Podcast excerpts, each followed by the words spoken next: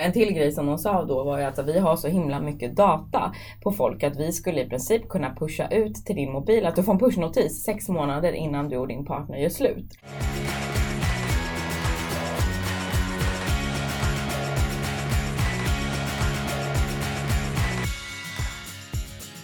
Sådär, välkommen till ett nytt avsnitt här av Svensson och Mattisson. Jag heter Linus Mattisson och i vanlig ordning sitter Anders Svensson här bredvid mig. Hallå, hallå. Idag ska vi snacka om hur man når sina målgrupper i sociala medier och då har vi en superspännande gäst med oss, eh, nämligen ingen mindre än sociala medier, medieexperten Hanau Rashid. Ja! Du, eh, du jobbar till vardags som digital strateg och föreläsare på byrån eh, The Amazing Society. Det stämmer och brukar emellanåt synas i bruset och prata om sociala medier. Bland annat har varit i TV4 Nyhetsmorgon. Mm, det stämmer också. Ja. Och The Amazing Society ligger i Stockholm ska man ju då säga. På ja, Kungsholmen och det är där vi sitter just nu och eh, har det här spännande samtalet. Ja. Men du, en liten sak innan vi kör igång här. Jag tror faktiskt att du och jag föreläste på eh, samma eh, vad ska man säga, eh, ställe i fjol. Ja. Linköpings kommun, kommer du ihåg det? Ja, jag vet att jag var där. Men jag var liksom, jag kom in, körde min grej, sen så åkte jag så jag missade ju allt som var innan och efter. Det är liksom nackdelen när man kommer eh, liksom lite längre bort ifrån och då men vad kul, vad ja. körde du då? Nej, jag snackar lite om hur man kan skapa stor, stor effekt i sociala medier med ganska mm. Eh, smått innehåll. Fokus mycket på mm, rörligt innehåll och okay. konton. Så. Skönt att jag missade dig, då kanske jag hade fått prestationsångest. ja, men du hade jättebra dragning. Ah, yes, lite... du, en liten parentes här. Men uh, skulle du vilja berätta lite om dig själv? Vem är du? Mm. Ja, men jag heter Johanna Urashi, då. Eh, jag är 34 år snart. Eh, jag kommer från Gävle faktiskt från början och jag har ju en kommunbakgrund där jag jobbade där i nästan ja, 4-5 år faktiskt eh, som informatör. Och jag är då utbildad kommunikatör, jag pluggade på Högskolan i Gävle och kände väl som många andra som är liksom i sin gamla hemstad att man vill göra något nytt och det fanns inte så mycket andra jobb och då kom jag faktiskt i kontakt med The Amazing Society 2012 redan. Eh, via Twitter så var det en tjej som taggade mig i ett inlägg och sa att men här är det en byrå som faktiskt jobbar med sociala medier och jag vet ju att du älskar det där. Så jag var väldigt tidig med att eh, hålla på med sociala medier. Jag tyckte det var väldigt coolt att man kunde liksom, kommunicera med i princip vem som helst och personer som har samma intressen som en själv på, i andra städer och länder jag hade liksom aldrig fattat att man kanske kunde jobba med det här. Det var inte ens eh, någon tanke jag hade. Men eh, jag kontaktade Amazing Society och vi träffades och tog några fikor. Och uh, the rest is history. Men det började med att jag var konsult åt eh, Swedavia faktiskt. Jag jobbade på flygplatsen eh, på Arlanda och skötte alla deras sociala mediekonton. Mm. Ja, men kul, kul att du nämner den här kommunbakgrunden. Det är ju faktiskt något som mm. vi har gemensamt på alla tre här inne. Ja. Eh, och mm. har jobbat med samma grejer faktiskt. Heja oss! Ja. så, då kan vi nästa steg få oss en byrå då. Ja precis. Exakt! Ja, välkomna, ni är redan här. ja, exakt. Eh, men om vi ska testa oss på någon form av eh, samtidsspaning. Eh, var skulle du vilja säga kortfattat att sociala medier står idag? Om man nu kan vara kortfattad kring mm. det. Det är ju så himla brett. Ja men precis. Men idag tror jag att någonting som vi ser och som såklart Facebook pratar mycket om är ju att vi kanske rör oss bort ifrån det här att kommunicera massor i flödet och vilja gå in mer i privata samtal och vi ser verkligen att företag behöver lägga mer tid på, och när jag säger företag menar jag myndigheter och organisationer också, eh, att lägga mer tid på community management, alltså att verkligen engagera sig i de som engagerar sig i ditt innehåll. Eh, för att community management det bara växer, alltså att man skapar communities där man har trogna, långsiktiga, nästan som ambassadörer, kallar dem inte följare längre kanske, men eh, som engagerar sig, att man verkligen fångar upp dem. Och tidigare har man ju haft person på kundtjänst kanske och det är inget fel med det som svarar, men man börjar också se att det behövs kanske någon med lite mer marknadsföringsbakgrund som kan fånga upp vissa saker och som kan ge otroligt mycket eh, spridning på sikt. Um, men förutom det så skulle jag nog säga att Facebook och Instagram fortfarande är de här ledande kanalerna som vi arbetar allra mest i. Och Instagram växer ju allra snabbast. Känns det inte som att Instagram håller på att springa av Facebook lite grann? Just att det, det finns otroligt mycket spännande funktioner. Alltså just det här om du pratar om att jobba med kundrelation. Absolut. Så finns det så mycket mer verktyg i Instagram än vad Facebook erbjuder. Facebook börjar bli ganska platt egentligen ja. sådär. Man kan inte göra så himla mycket spännande. Men Instagram är ju super liksom, eh, alltså, interagerande. Mm, absolut. Upplever du också att Instagram har snott mycket marknadsandelar från, från Snapchat? ja, det skulle jag nog säga. Eh, Snapchat har fortfarande en ganska stabil antal liksom, eh, användare. Men jag skulle absolut säga att Instagram har nog snott väldigt många och jag förstår det. Eh, jag hade ingen alls stor följarskara på Snapchat för jag tillhör ju den lite äldre generationen. Och då var det naturligt för mig att använda de funktionerna i Instagram istället. Och vi såg också, vad var det på ett halvår, 150% ökning eh, av användartiden på Instagram när de i princip snodde Snapchats funktioner. Så att när stories kom så ökade användartiden där extremt mycket. Men hur ser du då på de här som är extremt lojala på Snapchat? De här mm. 00-talisterna mm. så att säga. Hur, eh, hur ser du på dem? Hur ska man, om man har dem som målgrupp mm. så att säga, hur, hur ska man tänka där tänker du? Ja, men jag tror att eh, man ska hela tiden tänka på vart målgruppen är. Det säger ju sig självt att eh, förstår man att så här, vår målgrupp är på Snapchat, då ska vi vara där och då ska vi ta fram kommunikation som är extremt anpassad för Snapchat. Genomsnittstiden som man tittar på innehåll i just Snapchat är ungefär en till två sekunder, så det är väldigt kort tid. På Instagram kanske det är mellan 4-5 sekunder man kollar på en story, om den är bra. Eh, så att det gäller hela tiden att finnas där målgruppen är och jag skulle inte säga att nej men försök få dem över till Instagram utan det handlar inte om det, för jag vet att de är ju väldigt trogna Snapchat, de som är där. De använder det nästan som sin liksom, sms-kanal.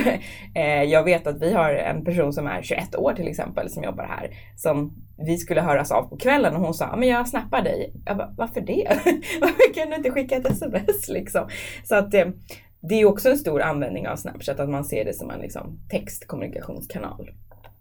Spännande, spännande. Mm. Du, en jättestor fråga här, eller stor fråga, men liksom om du blickar tillbaka till de tio senaste åren.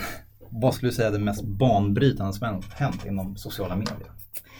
Oj, tio senaste åren. Ja, men jag skulle säga banbrytande är ju såklart att man, man kan annonsera på de här kanalerna. Eh, tidigare var det ju bara liksom ja, men att, att, skriva hur man känner och lägga upp en bild på en kopp kaffe. Och det hade ju också sitt värde på den tiden. Men eh, jag tror att det var runt 2011-12 som man började kunna köpa annonser och då började man inse att wow, det här är kanaler som har väldigt stor impact och eh, man kan göra i princip vad som helst här. Allt ifrån att man är ett politiskt parti till en kommun, till en skola, till ett liksom, företag, organisation. Att nu kan vi synas på riktigt och vi kan engagera på ett helt annat sätt. Och något som har hänt här är ju att det är för tusan liksom tvåvägskommunikation. Och, eh, istället för att man tidigare fått till sig information så har man ju mer kommunikation och någonting som man faktiskt kan svara på och eh, ah, ge tillbaka och få tillbaka. Det tycker jag fortfarande, alltså, även om så 2011, 2012 sa du ungefär man kunde börja annonsera. Mm. Så är det ju ändå för, vet du, slående hur dåliga företagen fortfarande är. Men vi närmar oss in i 2020-talet här. Och jag ser knappt några företag som har anammat det här utan det är fortfarande den här monologen, bara skrika ut och bara liksom trycka in säljbudskap i huvudet på någon. Och det, det, det är ju spam för folk liksom, så folk tar inte till sig det någonstans. Nej men det, det, så är det. Ja, alltså, ja, det finns ju en anledning till varför jag kan stå och säga nästan samma saker på mina föreläsningar nu idag och typ fyra år sedan. Såklart jag uppdaterar så, vissa saker men mycket är ju fortfarande Eh, ja, men jag kan säga samma sak för att det har inte gått så snabbt eh, som man ibland känner. Även om tekniken har gått snabbt så kanske inte vi har anpassat oss lika snabbt, alltså företagen. Att man inte riktigt har insett potentialen och man lägger fortfarande inte en lika stor mediebudget på socialt som man kanske gör på TV eller traditionella medier. Och jag vill liksom inte trycka ner traditionella medier men det är liksom hög tid att man förstår nu att det här är kanaler där du kan nå ännu fler, liksom mycket mer kostnadseffektivt. Vad är det som gör, tror du, att företag och organisationer är så pass trögfotade? För jag menar, de, många, vi har ju jättemånga duktiga och snabbfotade företag i Sverige mm. som anammar nya trender så snabbt. Mm. Men just det här verkar vara så... Men jag tror att det är någon slags, eh, det är en rädsla, man vet inte exakt eh, hur man ska gå tillväga, hur ska jag mäta det? Det finns oftast en ledningsgrupp som kanske inte är lika innovativ eller lika snabbfotad. Och för mig är det liksom en challenge att försöka nå de här för att jag kan sitta och föreläsa för ett gäng marknadskommunikatörer och det är lite preaching to the choir. Det kanske är inspiration, det är lite kul men majoriteten förstår ju det jag pratar om och håller med. Eh, men det är liksom på högre nivå som man behöver liksom kunna påverka på något sätt. Och jag vet att det finns ju många företag som fortfarande tycker att affisch, affischering är effektivt för att det har man alltid gjort och man är lite rädd för det nya. Eh, och på gott och ont så kan du mäta allt på sociala medier. Det kanske skrämmer vissa att man kan se att nej det gav inte mm. lika bra effekt som, som vi trodde. Eh, TV är skönt för vi ser inte exakta effekter eh, och då kan vi lägga pengar på det och jag har ryggen fri. Ja men lite så. Värsta exemplet är ju när man får sådana här PDF, alltså affischer som egentligen är för trycksaker. Man får dem som pdf mm. och så får man till sig, hej kan du lägga ut detta i sociala medier? Nej, jag kan inte sminka grisen. Det kan jag tyvärr inte. Det här är en affisch, den får du sätta upp eller så göra något annat.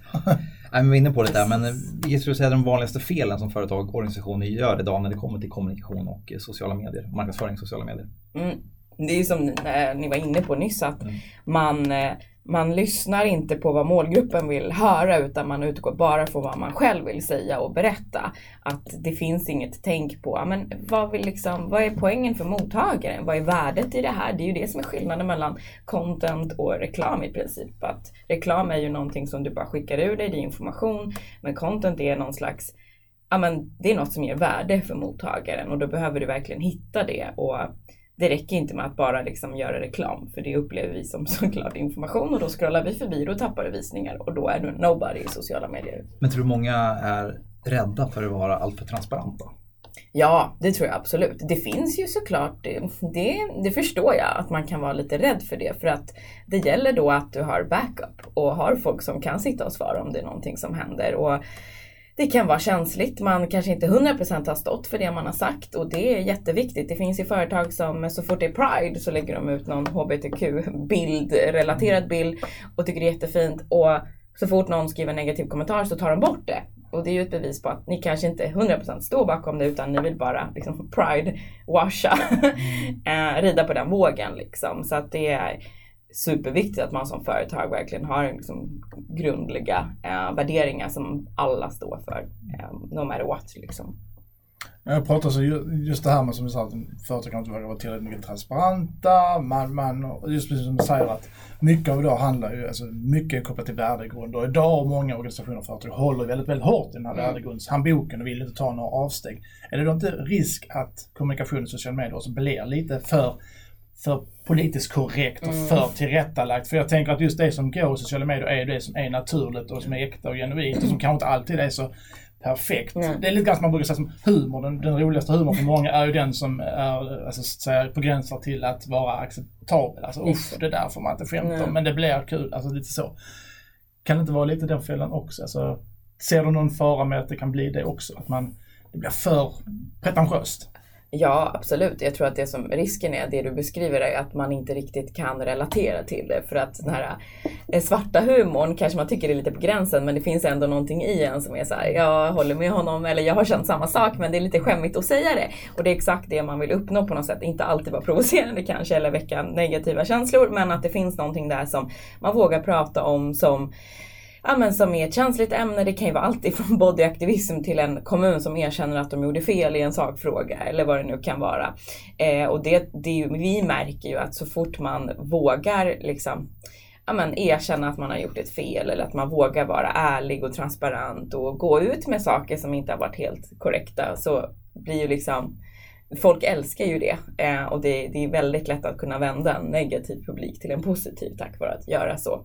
Eh, så att jag tror många fortfarande inte vågar, men det är ju skillnad på att vara så personlig och privat. Du behöver aldrig vara privat, du behöver liksom inte eh, det finns politiker som råkar lägga upp bilder på könsorgan ibland, det är kanske lite för privat. Ja. Men att våga vara lite mer personlig, det är nästan ett krav. Det spelar ingen roll vem du är. Jag har haft workshops med otroligt många olika typer av kunder. Alltifrån liksom, ja, men kommuner till liksom, turistföreningar, till högskolor, universitet, museum.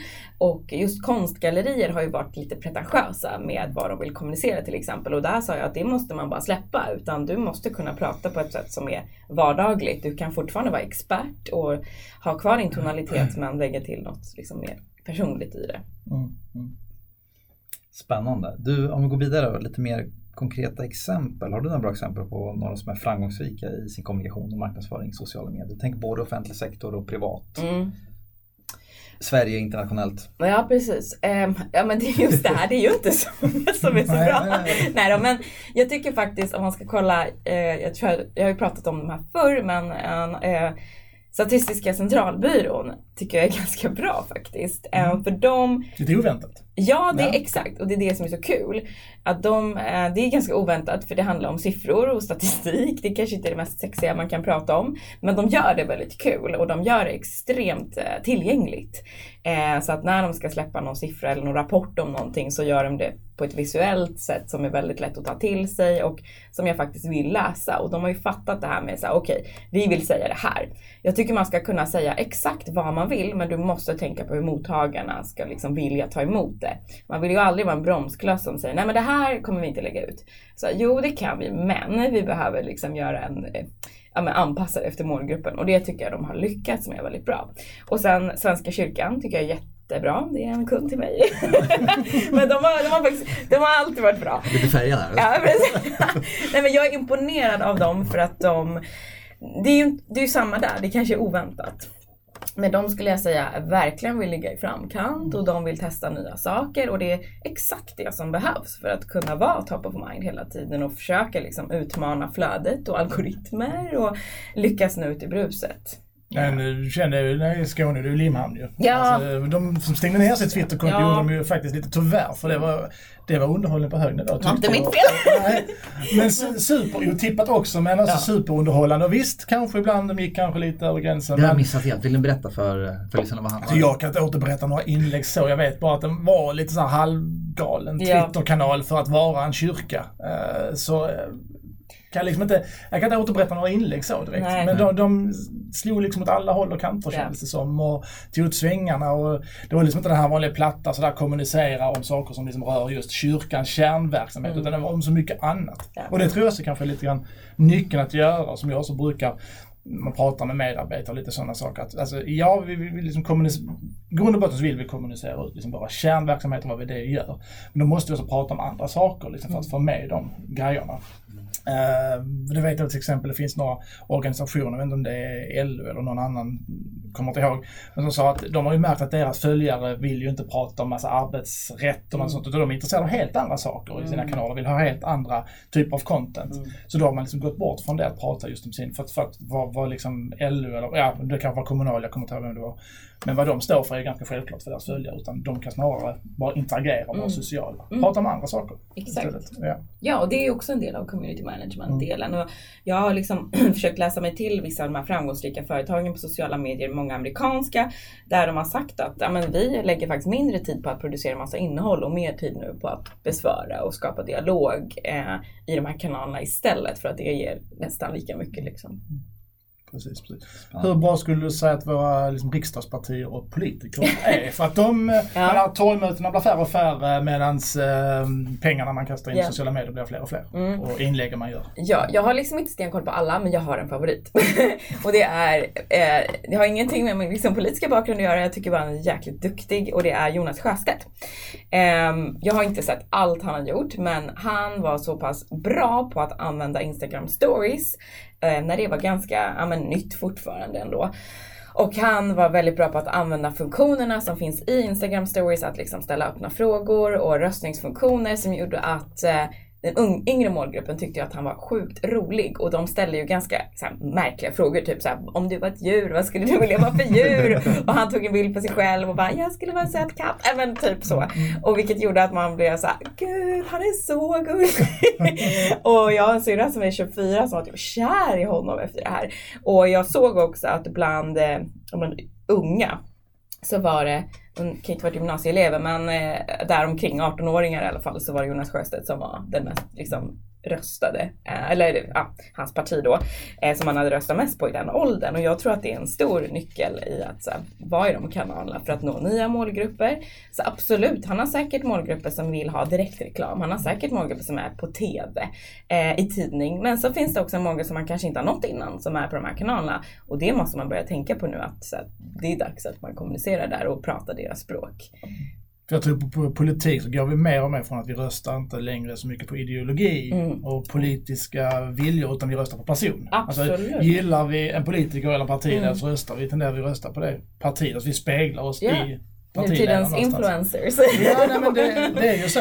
För att folk orkar inte sätta, alltså läser sällan de här eh, då, tråkiga men nödvändiga eh, styrdokumenten och annat och deras stadgar mm. och vad de står för och så vidare. Däremot så, så är man nog väldigt snabb att interagera och följa dem i sociala medier. Tycker man då om dem så har du en, en lätträknad röst där ju. Precis. Ja, men Jonas Sjöstedt, jag skulle nog, han är nog den, den riksdagspolitikern som helst skulle, eller partiledare som helst skulle gå ut och ta en öl med. Mm. Han verkar skönast. Och det är ingenting med liksom, att rösta politiskt så. Liksom. Återbetona. Han verkar väldigt så Jag har faktiskt träffat honom. ja. Vi pratade innan lite om målgrupper för att eh, mm. vi kan ju Innan vi kommer in på liksom själva huvudfrågan i det hela så kan vi prata lite grann bara om målgrupper och sådär. För det, det pratar man ju allt mer och mer om. Det, det är ju som ett mantra, målgrupper, målgrupper. Um, men kan det inte vara vanskligt också att prata om målgrupper? Eh, efter just, just att målgrupper är sällan homogena. Krävs mm. det något mer eller kan man bryta ner? Eller hur tycker du man ska, ska tänka där? För många säger så här, ja, men ställer man en fråga så här, vilka är målgruppen här? Är det alla kvinnor mellan 25 och 55? Okej, okay, eh, men vad har de för intressen? Ja. Har de barn? Är de mm. gifta? Mm. Gillar de att åka motorcykel? Alltså, eller, vad liksom... Just det. Ja men du, är ju, du har ju helt rätt mm. i det du säger att eh, vi börjar ju, eller vi har ju rört oss ifrån att prata målgruppen som kvinna 20 till 25 liksom, eller man 50 till 55. Eh, eller så här, vi pratar inte så, men sen så pratar ju våra kunder så i princip. Eh, därför är det ju superviktigt, precis som du säger, att man börjar titta mer på så här, Nej, men en människa är ju mer komplex än att bara vara en kvinna 20 till 25 år. Och alla kvinnor som är i den åldern är ju inte precis som jag är. Nu är jag 34 men jag räknar mig till 20 just nu. eh, och, eh, och även där att, så här, ja men det vet ni själva, jag, jag kommer från Gävle så mina intressen är Brynäs hockey. En applåd för det. Ja, tack. Ja, just det, du också. ja, ja, det är bra. Du äh, skakar på huvudet. Ja, jag skakar ja. Men, eh, och jag gillar liksom Eurovision men jag älskar hiphop. Och ja, men så, här, så att jag, jag är ju extremt spretig person som precis alla andra är också. Och där gäller det verkligen att hitta så här, men Okej, okay, eh, om vi är det här företaget, så här, hur tror vi att vår person ser ut då? Ja, men, eller är det en man eller en kvinna? Det kan vara både och. Men det kanske är personer som har jättemycket trädgårdsintresse. Så här, kör de bil eller cyklar de? Eller liksom yogar de? Så här, nu, det är klart att det också blir lite generaliserat. Mm. Men eh, så som vi alltid gör är att vi ofta riktar budskap till kanske bredare målgrupper till en början och sparar målgrupperna som har tittat på innehållet innan. Det är ju strategin man kan göra i Facebook och Instagram och därefter få en förståelse kring så här, efter vi har kanske AB-testat att så här, ja men vi ser ju att personer som är intresserade av det här faktiskt är mer intresserade än de vi trodde från början. Jag tror att många av de vi jobbar med har fått lite aha-upplevelser också för att man är så himla inkörd i vad ens målgrupp gillar eller nej men vår, vår målgrupp de tittar inte på Netflix, de gillar bara SVT. Man bara, ja okej, okay. det är jag inte helt säker på. Men det är bara att titta nu när du sitter och så vi har ju levande exempel framför oss här, du är 34, jag är 35. Ja. Vi gillar båda Brynäs men jag gillar inte Eurovision, du gillar dem. Ja. Alltså det, jag menar, det är inte... Du är en man, jag är inte. Ja, ja, ja, Då skulle man då säga som att ja, men alla som är på Brynäs, ja men de gillar Eurovision. Ja. Nej, nej. Inte alls alla kommer inte från Gävle. Nej, precis, exakt. Så att det är ju superkomplext. Samtidigt så är det ju fantastiska möjligheter då som ges via till exempel FB Ads Manager mm. i sådana såna eh, detaljerade målgruppsinställningar då jämfört med kanske traditionell printannonsering eller linjär TV eller bioreklam. Så det har ju skett en otrolig utveckling där också. Liksom. Ja men det är ju helt fantastiskt. Alltså det är ju det som är att man vill få folk att förstå. så att du kan verkligen nå vem du vill. Och AI, alltså artificiella intelligensen, den blir ju bara bättre och bättre och bättre. Liksom. Snart kommer vi knappt behöva sitta och knappa in det själva förmodligen. Och, så att det handlar mer och mer om att så här, vad ska budskapet vara då, då? Så att vi verkligen, så här, nu har vi målgruppen här framför oss, precis de vi vill ha. Men vi måste ju kunna underhålla dem också och ge dem det de behöver. Liksom. Jag vet att du måste berätta lite kort bara. Mm. Jag vet att du var ju över i um, USA hos uh, Facebooks huvudkontor och där uh, berätta lite om de här reklamtavlorna ja, som exakt. fanns där. Uh, det här kanske är framtiden. Ja, precis. i centrala Stockholm. Framtiden som finns redan, ja. men inte här. uh, ja, men precis. Det här är ju till och med, nu är det snart två år sedan. Jag var i Silicon Valley på Facebook och Googles huvudkontor. Och då gick vi förbi en liksom, digital ja, men en skärm som såg ut som en vanlig busskur i princip. Eh, som skärmar som hänger ner på ja, Stureplan eller? Ja, ja men exakt. Eh, och som vi oftast bara ser en affischbild på idag, ibland digital. Men det som hände var att när jag gick förbi den eh, så var det ett babybjörnbudskap och sen så gick min chef bakom mig någon meter bara och då ändrades den snabbt till, jag tror att det var Gillette eller ja, det kan vara vilket märke som helst egentligen. Eh, men någonting som var mer kopplat till så här kommer en kvinna, hon är 32, hon kanske liksom går i barntankar, hon får babybjörnkommunikation och sen så kommer en chef som är en man då som kanske behöver raka sig.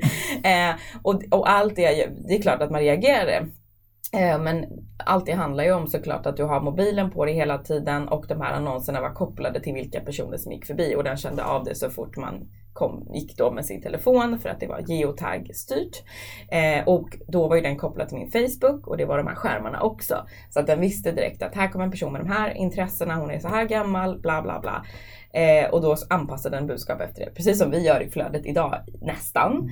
Eh, men det var liksom IRL eh, som man kunde se det. Häftigt. Mm. Hade vi gjort det publikt eh, så här folk hade blivit skraja. Mm. Ja. Sen är det dubbelt för att det är precis det som sker i sociala medier så vad är skillnaden egentligen? Nej. Men skulle du bli exponerad på det liksom på ett offentligt, offentlig plats skulle ja. du bli livrädd. Exakt. Ja, speciellt som den, en till grej som de sa då var ju att vi har så himla mycket data på folk att vi skulle i princip kunna pusha ut till din mobil att du får en pushnotis sex månader innan du och din partner gör slut. Eh, att vi berättar det för dig då för att de ser sån otrolig, ja, men, ganska snabbt en förändring i beteendet. Och det här vet ju ni, men att de har miljontals parametrar och data som de mäter på oss. Det är ju inte bara att jag har klickat på en kattfilm någon gång utan det är större än så.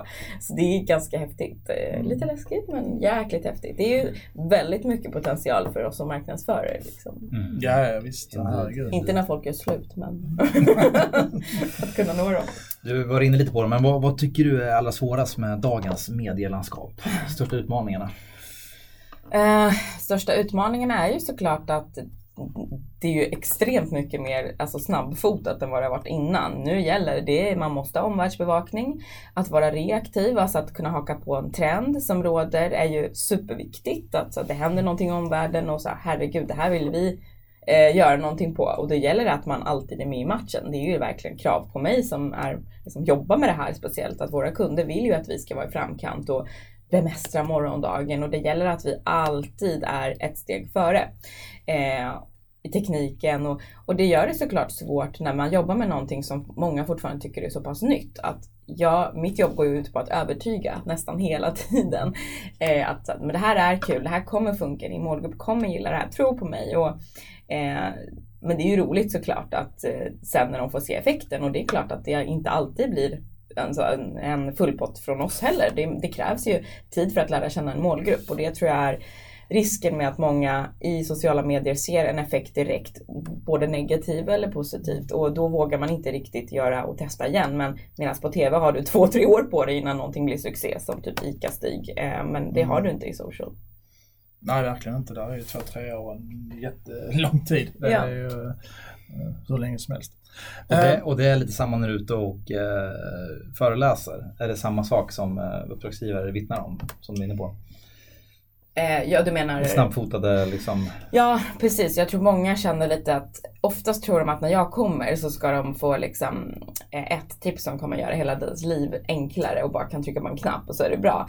Men, eh, men jag tror att många känner så här, men herregud, det blir bara ännu mer för oss att göra nu och massa grejer att tänka på. Eh, det tror jag ni också säkert känner som jobbar med det här att eh, folk blir bara nästan irriterade ibland och så här. Men, ha, men vi har inte resurser för det här. Ja, nej, det är jag är ledsen, men det, får, det måste ni ha. Jag kan inte säga att så här, många kommer och säger vi vill bli bäst på det här eller vi vill bli supervirala. Men vi har inga resurser, eh, vi har ingen som jobbar med det. Eh, nej, men vi har ingen kamera. Nej, okej, okay, då kan det bli svårt liksom. Mm, mm. Precis, precis. Och det är just det här, nu ska jag lite snävare kring det, men just det här tips på kanske då livet. Ja. Försöka tvinga dig till att säga någonting ja. som gör livet lättare för folk. Men det är just det till själva huvudfrågan. Liksom. Ja. Hur når man då sina målgrupper på sociala medier? Om du får liksom peka ut några X nyckelfaktorer. Mm vilka är då det? Mm. Liksom? Ja, såklart det finns eh, en del tips. Nu ska vi göra livet alla. Ja, jag ska inte göra det så svårt. Nej men så här, jag tror grundläggande tipset är ju det som jag sa innan. Att så här, börja lyssna på vad din målgrupp eh, vill se och höra och inte bara utgå från vad du själv vill säga. Men det krävs ju målgruppsresearch verkligen. Mm. Och där har vi ju precis som vi var inne på innan att Instagram stories, eh, har ni inte börjat använda det än så gör det. För det är otroligt bra kanal att kunna nå ut organiskt på också. Och inte bara att betala. Även om det är ännu bättre. Eh, där kan du, du lägga... Lite, lite inflika bara. Mm. Hur får man ett verifierat Instagramkonto? Det är rätt bökigt. För jag vill ju, stories är briljant, Mm. eh, men jag vill ju leda dem till, Ja. till en, eh, till en URL-adress helst. Vi har ju, ja, alltså, jag kan inte göra det liksom för mitt eh, inredningskonto till exempel. Det är lite svårare för att jag har inte så mycket att komma med höll jag på att säga. Men eh, våra, våra kunder, eh, vi får ju ha den dialogen med Facebook för vi har ju kontaktpersoner där. Eh, så att, men det är inte helt lätt. Det krävs några vändor och liksom, eh, blanketter höll jag på att säga i princip. Förr var det mycket lättare. Då kunde jag skicka ett mejl och så en dag senare var det löst. Eh, nu är det inte riktigt så utan du måste ha en del kriterier och det är inte bara hur många följare du har utan så här, vilka du är, är du på riktigt, hur många anställda och så vidare. Så ett tips Ja. kan vara att har man samarbete med byråer då, Ja. att kolla upp om de har kontaktpersoner eventuellt på, på Facebook. Absolut, absolut. Det, det är väldigt svårt att få till själv liksom. Mm. Ja, jag har försökt det. Jag vet väl när jag var webbchef senast på just Allahandel. Då lyckades jag faktiskt få vårt konto verifierat. Men det var efter att det var koncern Gota Media hade gjort liksom från huvudkontoret. Samlade liksom Ja. deras eh, eh, digitala avdelning gjort för liksom samlad ansökan för alla liksom Ja. tidningarnas konto. Och då lyckades det. Ja. För jag försökte först liksom som enskild och så bara denial hela tiden. Och jag har försökt nu också. På Simrishamns kommun. Och Ja, det är nej jättesvårt. varenda gång. Så Inte ens jag eh, har fått.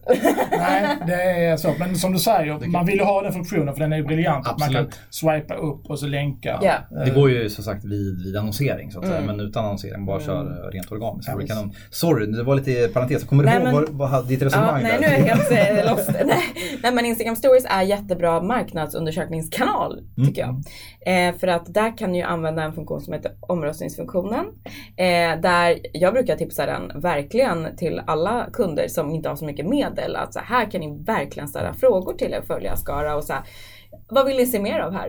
eh, eller vad tycker ni? Ska vi fortsätta prata om det här, ja eller nej? Eh, så finns det, det finns ju en funktion som heter öppna frågor där man bara kan vem som helst kan få skriva in så här, vi vill se mer av det här eller jag önskar mig ett inlägg om det här. Och fördelen är ju då att eh, i och med att vi rör oss mer mot att prata i privata grupper, vi kanske inte vill kommentera på allting längre så att alla ser, så är ju det här lite mer anonymt. Det är ju bara företaget som kan se kommentarerna som har kommit in. Eh, så jag skulle säga utnyttja verkligen den funktionen. Den är superbra till att ta reda på vad målgruppen gillar.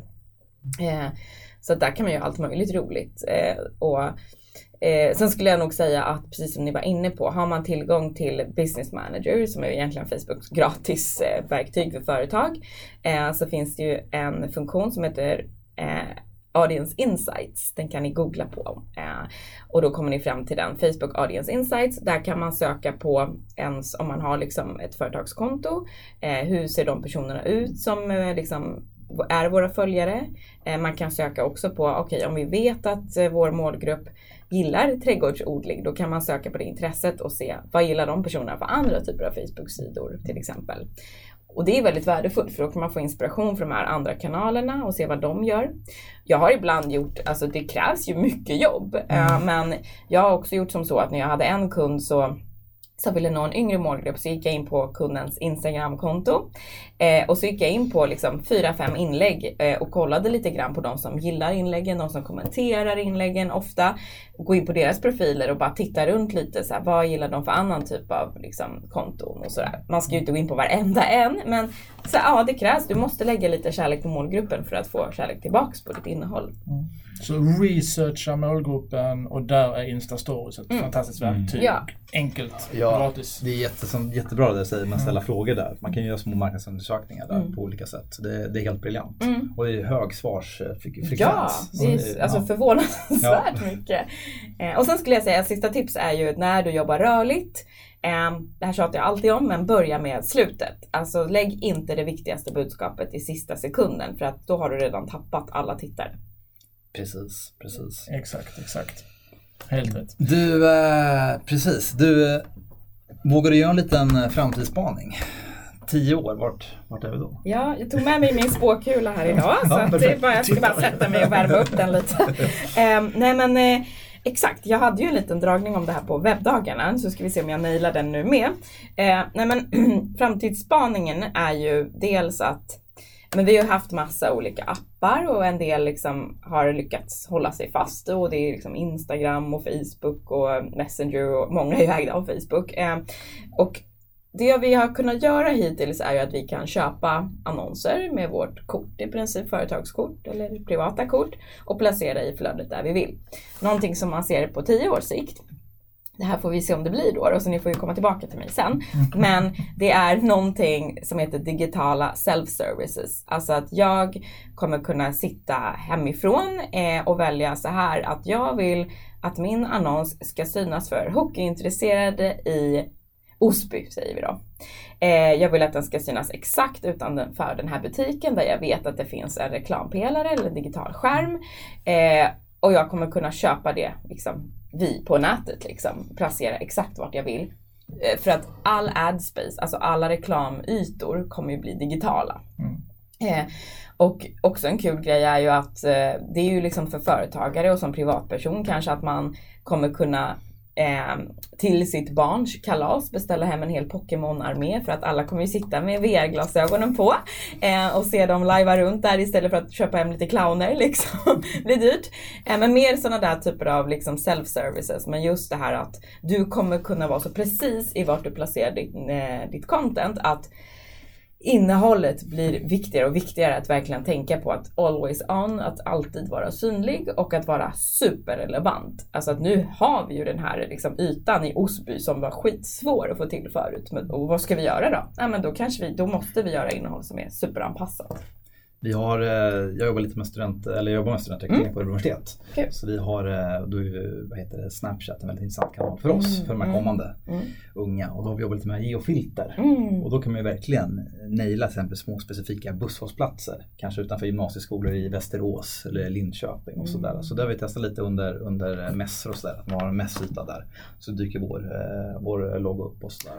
Men jag tror även som i Stockholms Stadsmission, vem det är, rätt mig om jag har fel, men jag vet att de jobbar så i Stockholm med de här digitala ansvarstagarna till exempel när det gäller för att nå hemlösa. Mm. Att om temperaturen understryker viss, en viss grad på vintern så går det ut information på alla de här digitala ansvarstavlorna på hela stan. Mm. Och de sa att det är liksom, de når för de är ju där, de rör sig, de är mm. hemlösa, de stryker runt i stan. Med information var man kan liksom ja. gå och värma sig och du kan få liksom soppa, alltså sådana saker. De räddar ju jättemånga liv på det.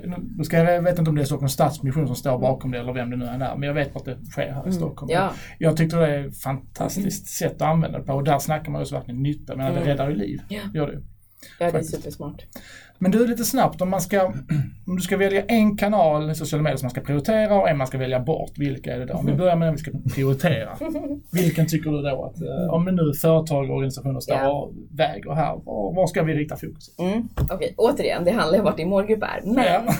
eh, alltså så här, gud, det här blir, för att Instagram är ju min privata personliga alltså, eh, favoritkanal eh, och den växer ju allra snabbast. Eh, och jag skulle säga att målgrupperna rör sig mer och mer ditåt och nu är det inte längre bara unga, eh, liksom, eh, utan det är även 50 plus. Liksom. Eh, men jag skulle fortfarande säga att det är fortfarande en kanal för inspiration och community management, alltså att skapa dialog. Eh, där är det jättebra, men Facebook är fortfarande lite mer säljdrivande kanal och det är högre klickfrekvens där. Så jag skulle vilja säga att man fortfarande ska kombinera de två. Sen kan du vara mer aktiv på Instagram och kanske lägga upp ja, men, två gånger i månaden på Facebook någon liksom säljdrivande annons om du, om du får, verkligen vill foka på en kanal och lägga mer vikt på, på Instagram. Eh, skulle jag säga. Men Eh, sen kanske Twitter har ju många nytta av eh, som eh, någon slags kundservicekanal, men det är ju den app som faktiskt inte går alls lika bra som övriga. Just i Sverige har den inte presterat lika bra och det är väldigt dyrt att annonsera där.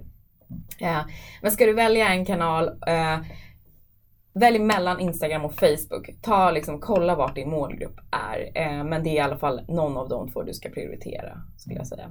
Och Youtube, superviktigt. Även det. Eh, jag kommer in på flera, men det är jättesvårt för att alla de här har ju sina syften.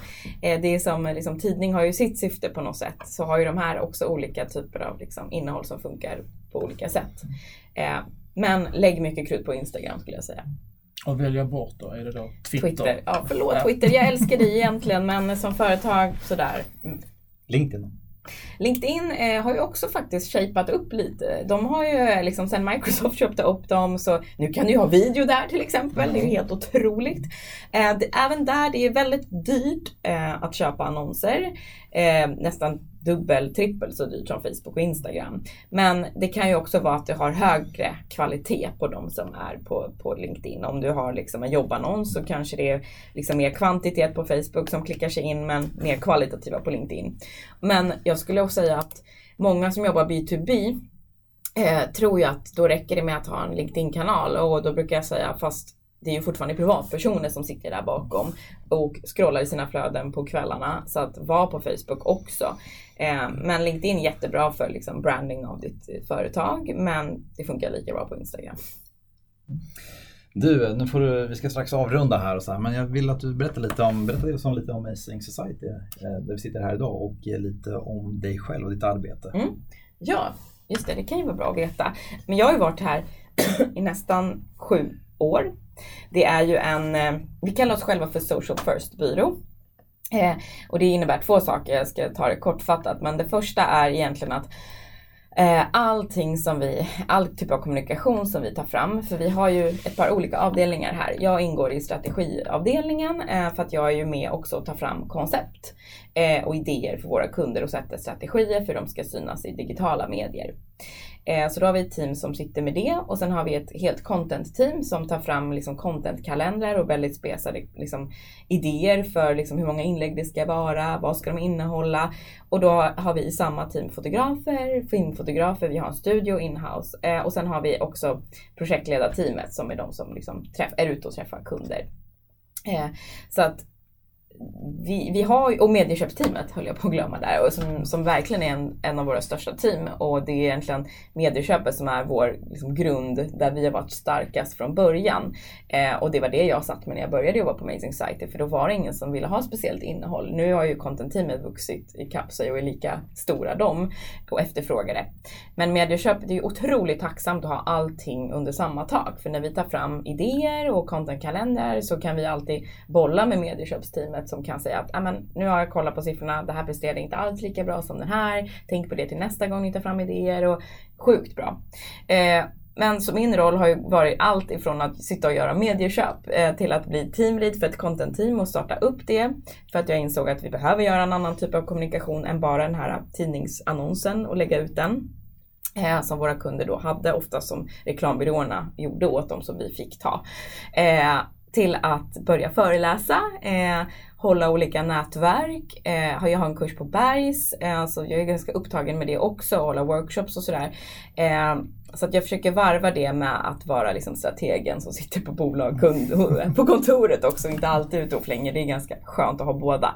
Eh, så vi är då återigen en social first byrå. Och social first, eh, första ben handlar om att allting vi producerar, allting vi kommer på, alla idéer ska ha en startpunkt i att det ska funka i sociala medier. Mm. Och då får det jättegärna vara en film som går på TV eller bioreklam också. Men vi anpassar alltid innehållet efter hur användarna beter sig. Som jag sa innan, vi börjar med slutet när vi gör något rörligt. Vi är mycket snabbare än när man gör vanlig traditionell tv-reklam som är tre minuter lång. Eh, vi har insett att så här, människor kan läsa 500 ord per minut om det behövs. Vi måste vara jättesnabba med att fånga uppmärksamheten i flödet för annars scrollar folk förbi och så vidare. Och det andra social first är vårt sociala ansvar. Eh, alltså att med inkluderande kommunikation. Eh, vi vill göra liksom, bra reklam som får folk att må bra också och inte bara ha stereotypa personer i våra annonser.